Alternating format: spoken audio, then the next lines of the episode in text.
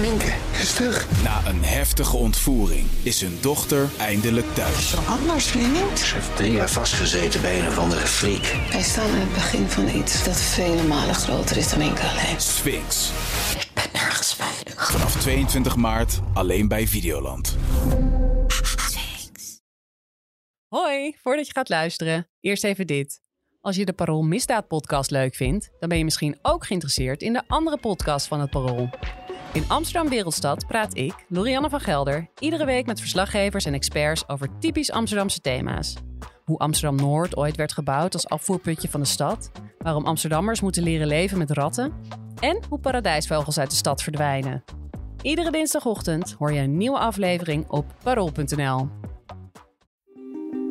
Er is een brute, laffe misdaad gepleegd. Geweld moet stoppen, ja, sowieso. Het Openbaar Ministerie eist forse zelfstraffen tegen de verdachten in het Marengo-proces. Voor de tiende keer in een maand tijd was het vannacht raak. Een explosie in de stad. Meer dan 2 miljard euro aan harddrugs werd vorig jaar door justitie onderschept. Een verdubbeling met het jaar ervoor. De gemeente Amsterdam, politie en justitie en zo'n 40 andere instanties begonnen in 2011 met de zogeheten aanpak van de top 600. Een plan waarmee ze jonge, gewelddadige criminelen op het rechte pad willen brengen via een combinatie van straf en zorg. Maar dat blijkt minder effect te hebben dan gehoopt. Welkom bij de Parool Misdaad Podcast. Mijn naam is Corrie Gerritsma. En in deze podcast praat ik elke twee weken met misdaadjournalisten Wouter Laumans en Paul Vugts. En we hebben niet alleen over grote, maar ook over kleine misdaadzaken. Nieuwe afleveringen zijn eerst een week exclusief te beluisteren op parool.nl en in onze app. En een week later verschijnen ze in andere podcast-apps. Paul, die jonge criminelen in de top 600 gaan zelfs iets vaker opnieuw in de fout dan vergelijkbare jonge criminelen. Hoe kom je eigenlijk aan het nieuws? Waar komt dit nieuws vandaan? Nou, gek genoeg is voor het eerst sinds 2011, toen het hele dure, prestigieuze project eh, begon, pas onderzocht uh, wat de effecten zijn door een uh, nou ja, fatsoenlijk wetenschappelijk forum, het WODC dit keer.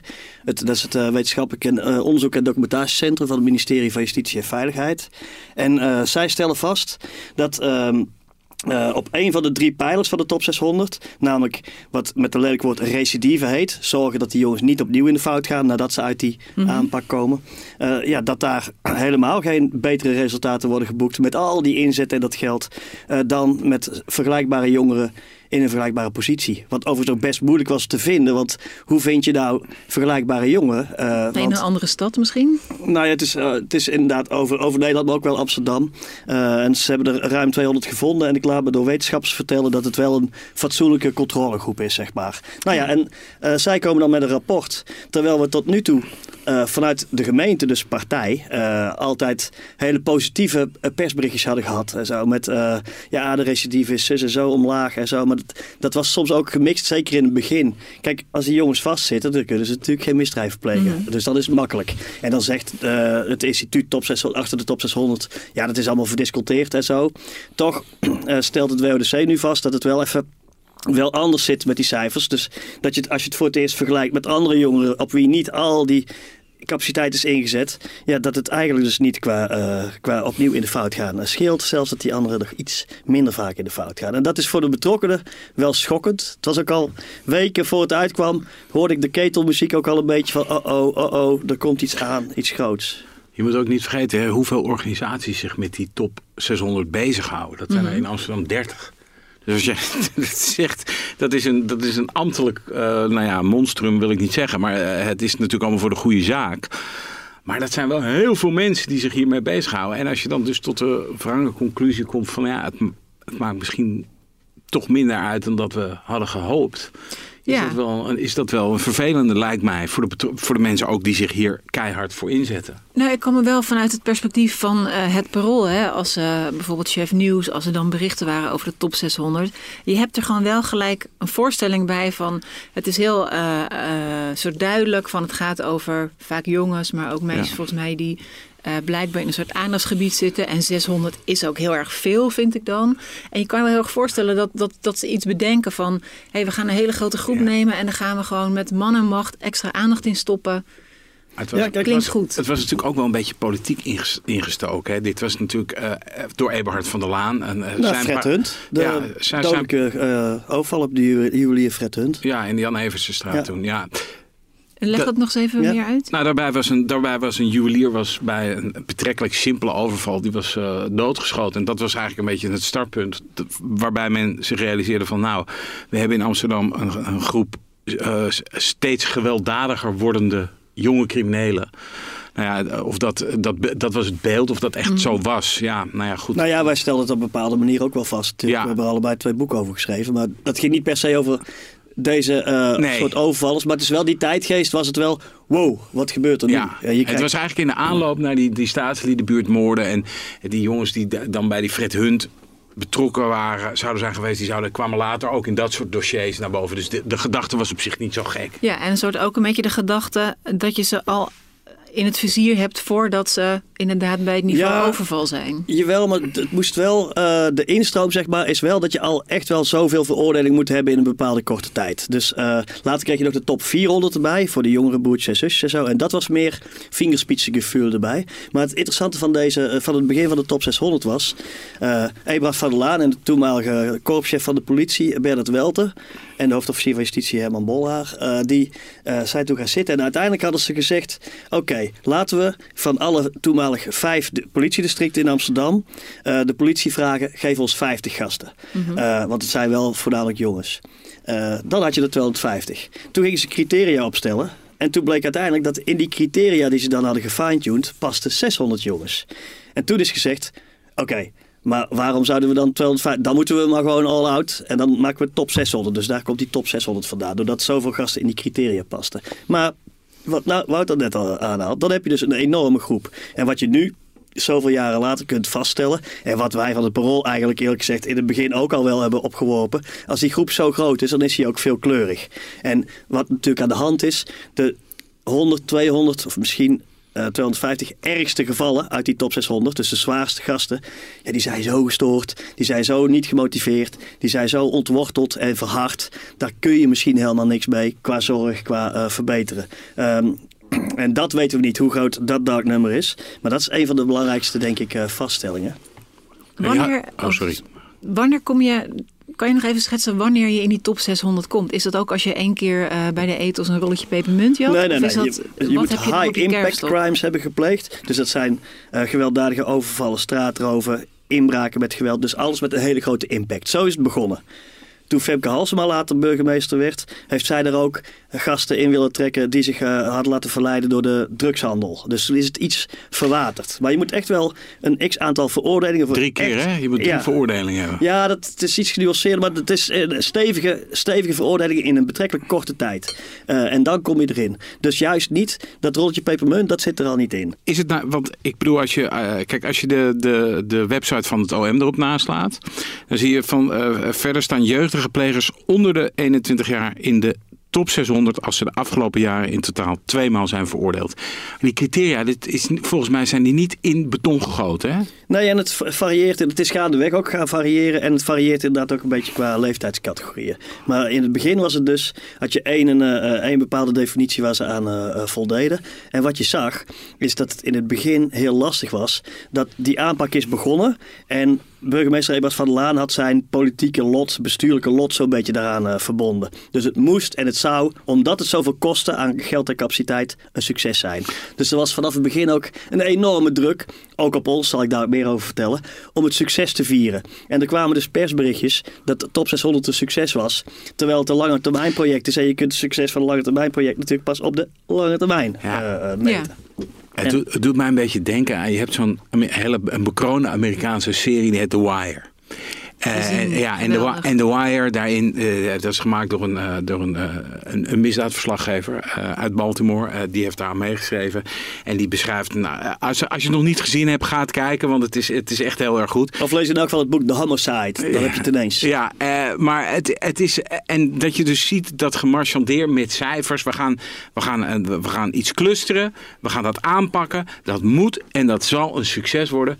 En dat is dus eigenlijk, heeft dat niet zo heel veel meer te maken met uh, echt zo efficiënt mogelijk misdaadbestrijding. Dat is er wel een onderdeel van. Maar het is natuurlijk ook politiek. Ja. En dat, is, dat, maakt deze, dat maakt natuurlijk ook dat het aan alle kanten schuurt. Want als je zegt. En, en ondertussen de mensen die in die top 600 uh, zaten. Nou, dat is, uh, Paul zei het net ook al, dat is van alles rijp en groen ook door elkaar. Dus dat zijn mensen met een uh, LVB-problematiek, licht verstandelijk beperkt of zwaar verstandelijk beperkt. mensen Narcistisch. Versla verslavingsproblematiek. nou, je kan het zo gek niet benoemen of het zat er allemaal in.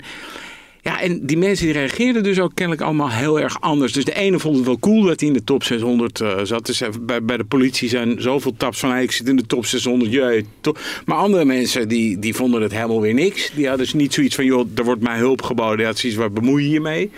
Uh, die families werden heel streng onder de loep genomen. Het, het, waren wel, het is wel een ingrijpend middel geweest. Ja, precies. Want wat gebeurt er? Je, je krijgt een mail. Weet je dat überhaupt of je in de top 600 staat? Je ja. staat op die ja. lijst. En dan krijg je bezoek. Moet je thuis zijn en je ouders. En dan wordt er een soort coachingsgesprek gedaan? Of? Nou ja, coaching. Het is wel dwingend hè, uiteindelijk. Uh, maar nou, Wouter en ik hebben allebei redelijk wat uh, gezinnen, vaak moeders, uh, gesproken. Of oudere broers en zussen.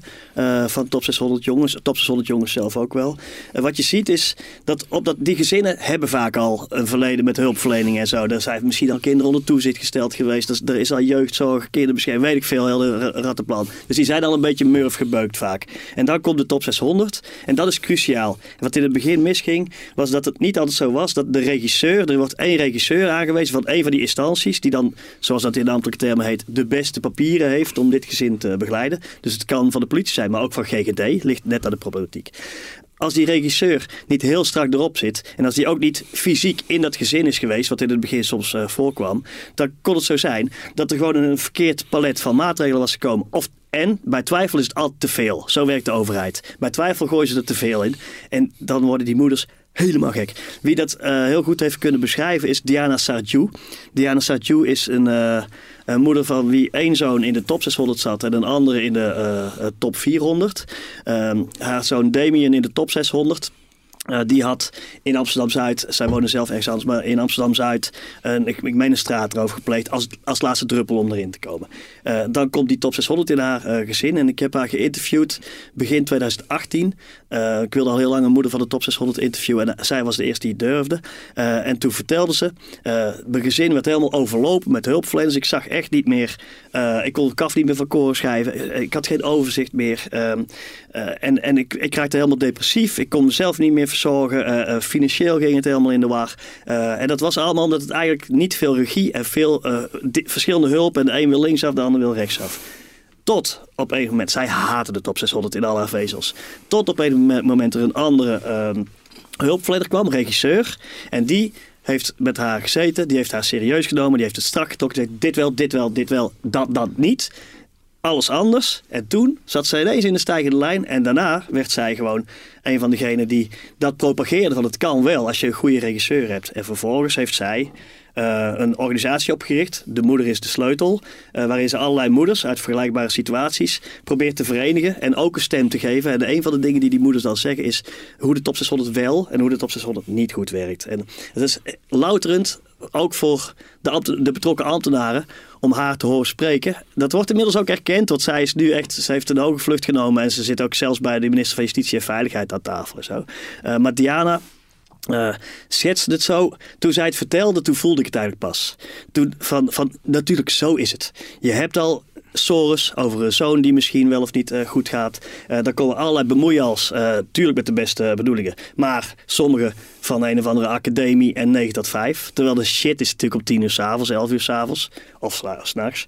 Um, en dan de regie wordt je uit handen genomen. En als het goed gebeurt, kan het helpen. Als het niet goed gebeurt, niet. Ja, je wil dat... natuurlijk een soort steun. En niet soort alsof je het als moeder ook helemaal verkeerd hebt gedaan. En, uh... Dat is natuurlijk sowieso al. Je voelt je met de nek aangekeken, want jouw zoon is crimineel. Ik moet erbij zeggen, haar zoon Damien, anders zou ik zijn naam niet noemen, is nu gewoon zelf hulpverlener. En apetrots op zijn nieuwe positie. En zij zijn echt een, een stel dat je uh, kun je zien stralen als zij bezig zijn. Zij spreken op met allemaal mensen, symposia, weet ik veel. Ja, ja maar dat is, een goed dan voorbeeld. Dus, nou ja, dat is dan dus een geslaagde, een geslaagde uh, top Maar pas nadat het geturnd was dus. En die, de, de, het probleem in de top 600 is blijven zitten. Als je geen goede regie hebt en te veel ongecoördineerde uh, uh, zorg...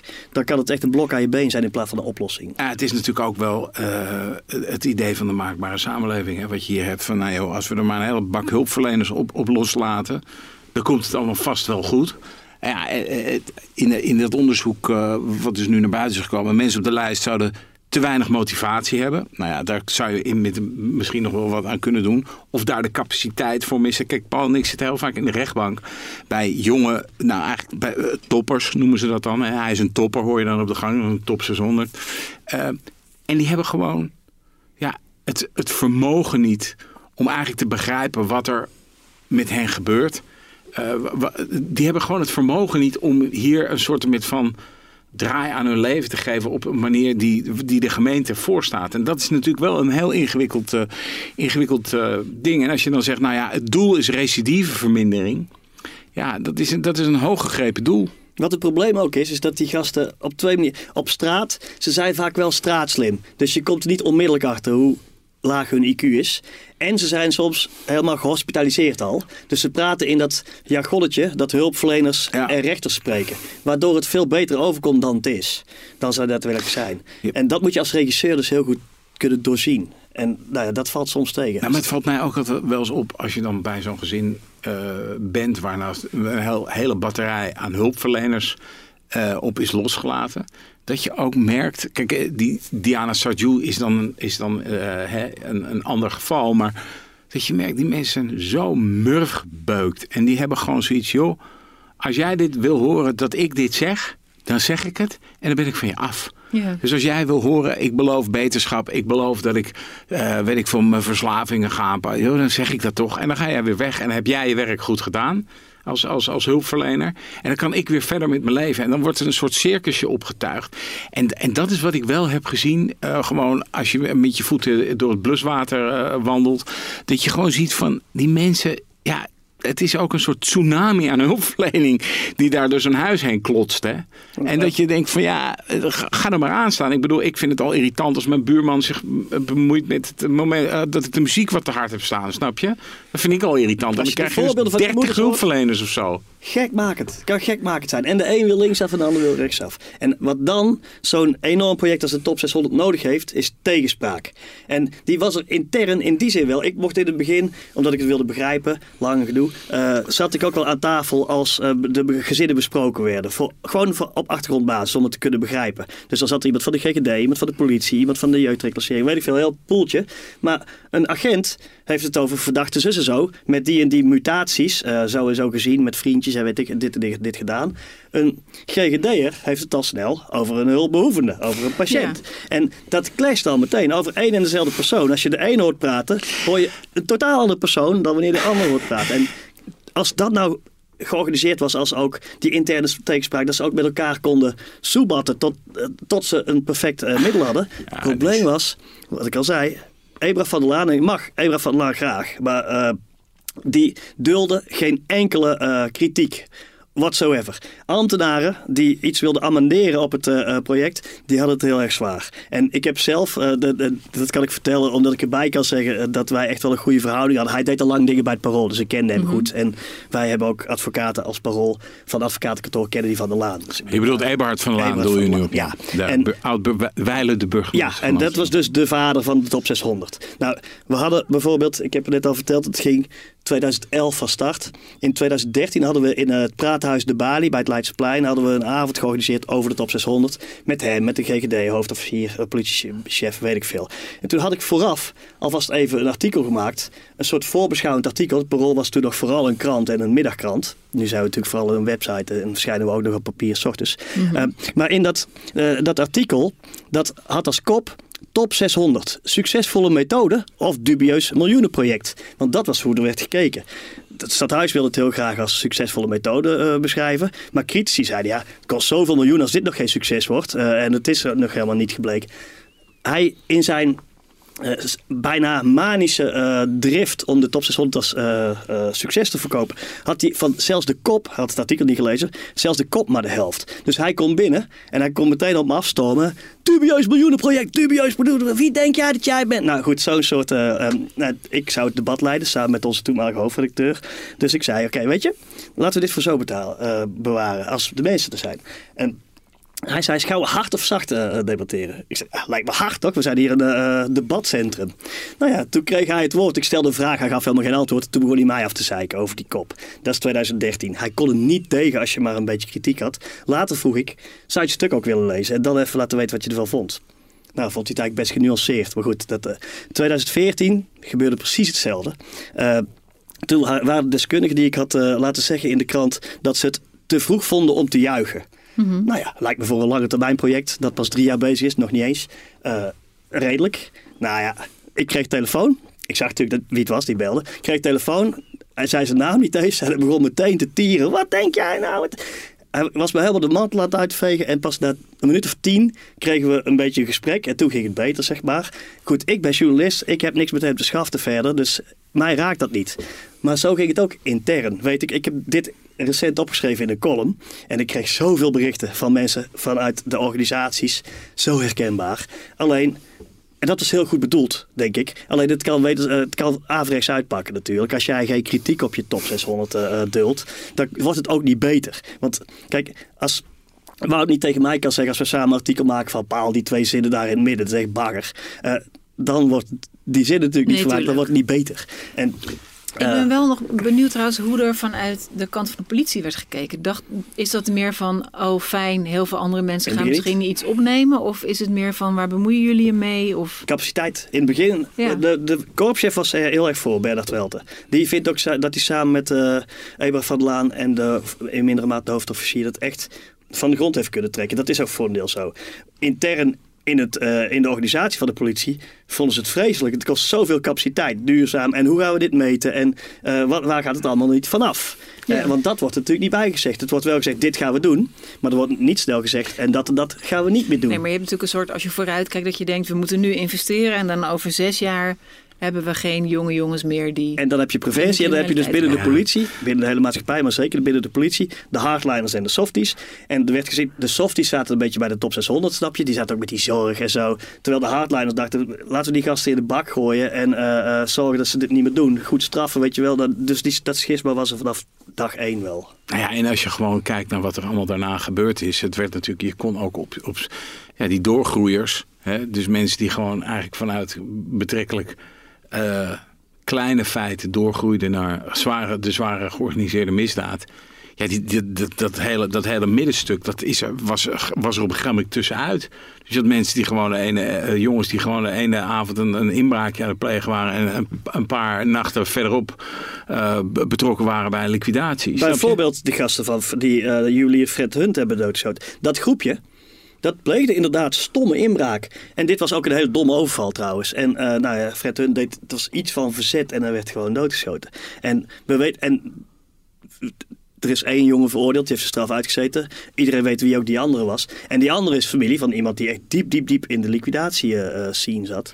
En ja, en met dat soort kaliber gasten, is het moeilijk handelen. En, en dan is het misschien te hoog gegrepen dat je die nog op een recht spoor gaat krijgen met zorg. Weet je waar ik aan moet denken bij, de, bij, bij, bij zo'n, als er dan zo'n onderzoek uitkomt, hè, dan, dan denk ik, oké, we hebben een gemeente die heeft veel ambitie en dat is goed. Um, en we hebben nu bijvoorbeeld een masterplan Amsterdam Zuidoost. Weet je wat ook zo'n van enorm plan is. En, en ook een succes moet zijn. En, ook, ja, en daar heeft Femke Halsma uh, min of meer haar naam echt aan verbonden. En denk ik, ja jongens, we gaan dus allemaal projecten starten. En dat, dat, dat oogt daadkrachtig. Maar als we dan aan het einde van de rit eens over gaan kijken van... joh, wat, wat blijft er dan uiteindelijk van over? Wat zijn de doelstellingen dan niet veel te, veel te hoog? Hè? Kan je niet gewoon zeggen, joh, we willen recidive... Uh, die recidive, dat recidivegevaar, ja, dat is, dat is er. Uh, maar we willen proberen zoveel mogelijk jongens aan een baan te helpen. Mm -hmm. Of zoiets, weet je Dat je het wat kleinschalig, net zoals nu met dat masterplan Zuidoost dat heeft ook allemaal de meest rare, vreemde doelstellingen in mijn ogen. Dus die is helemaal voor mijn rekening.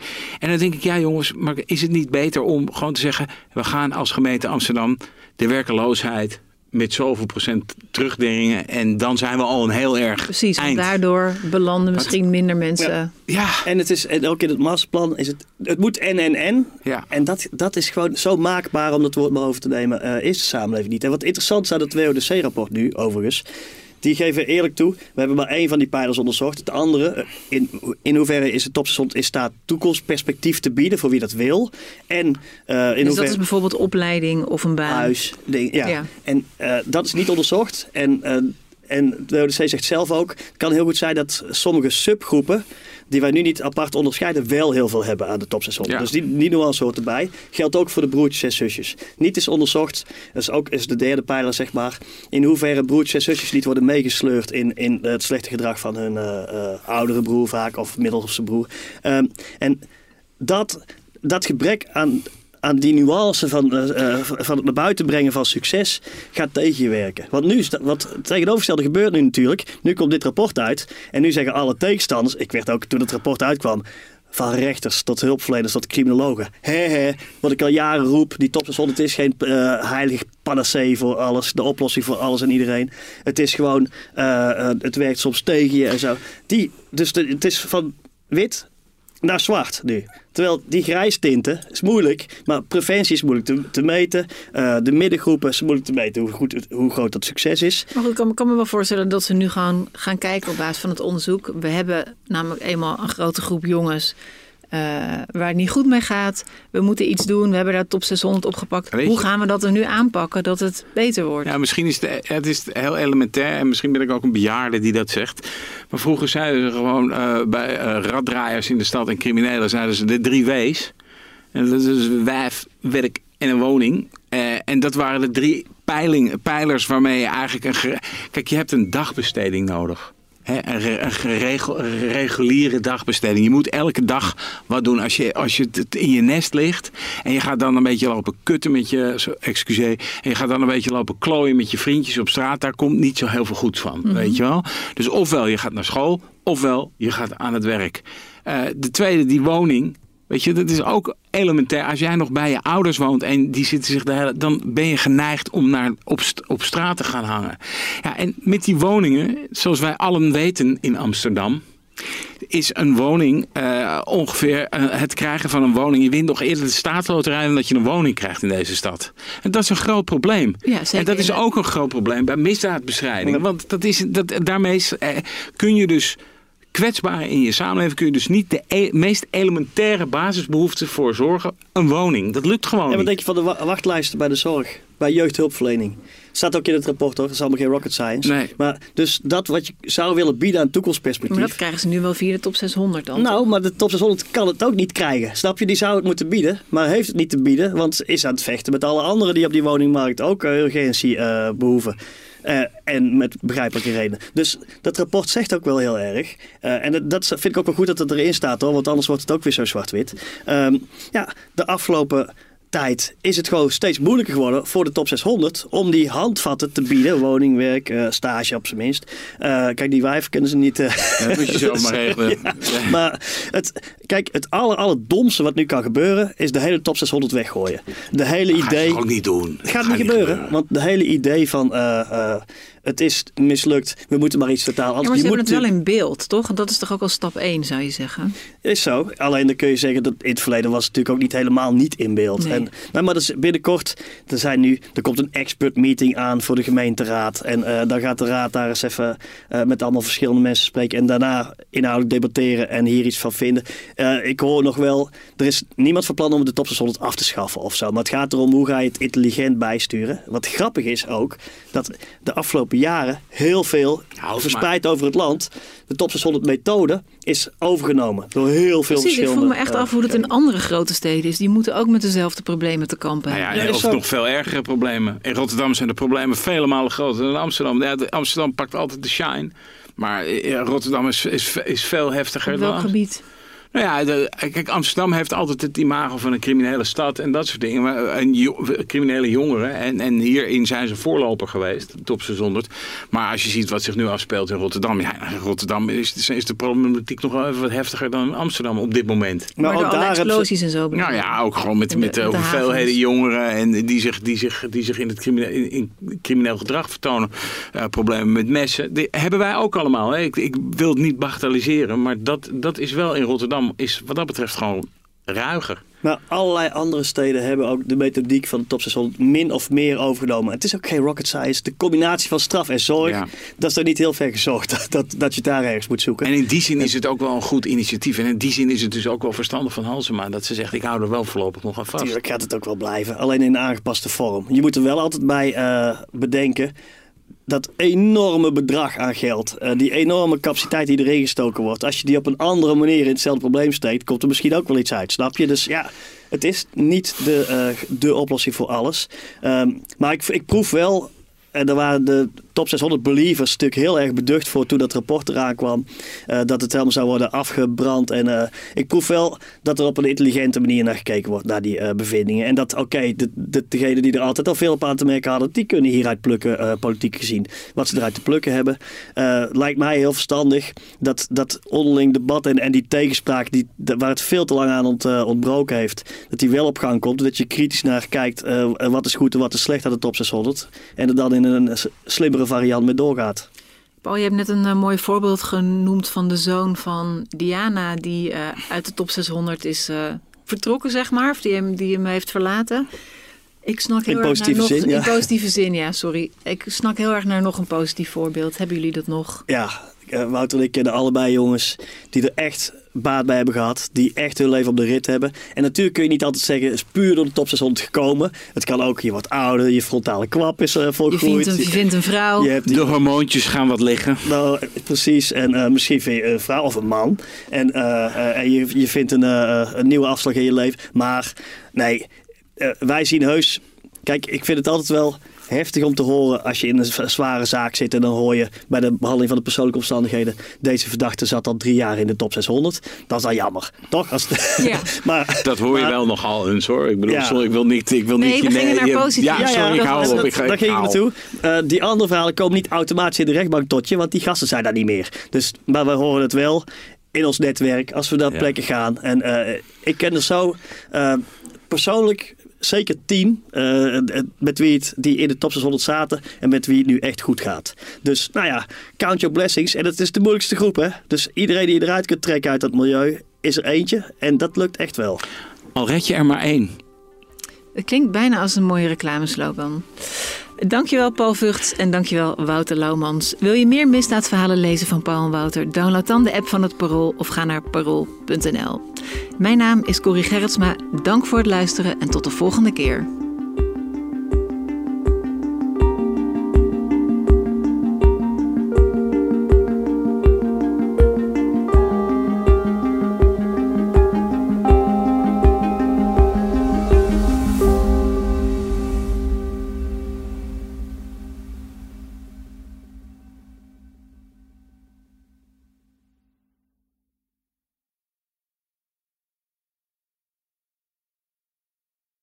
Hallo, ik ben Camilla Leupen, hoofdredacteur van Het Parool. Heb je genoten van deze podcast? Dan vind je onze artikelen misschien ook interessant. Een abonnement heb je al voor een paar euro per week. Je kan het ook eerst een paar weken proberen. Ga naar parool.nl slash podcastactie voor een actuele aanbieding. Dag! Minke is terug. Na een heftige ontvoering is hun dochter eindelijk thuis. Zo anders, vriend. Ze heeft drie jaar vastgezeten bij een of andere freak. Wij staan aan het begin van iets dat vele malen groter is dan enkel alleen. Sphinx. Ik ben nergens veilig. Vanaf 22 maart alleen bij Videoland.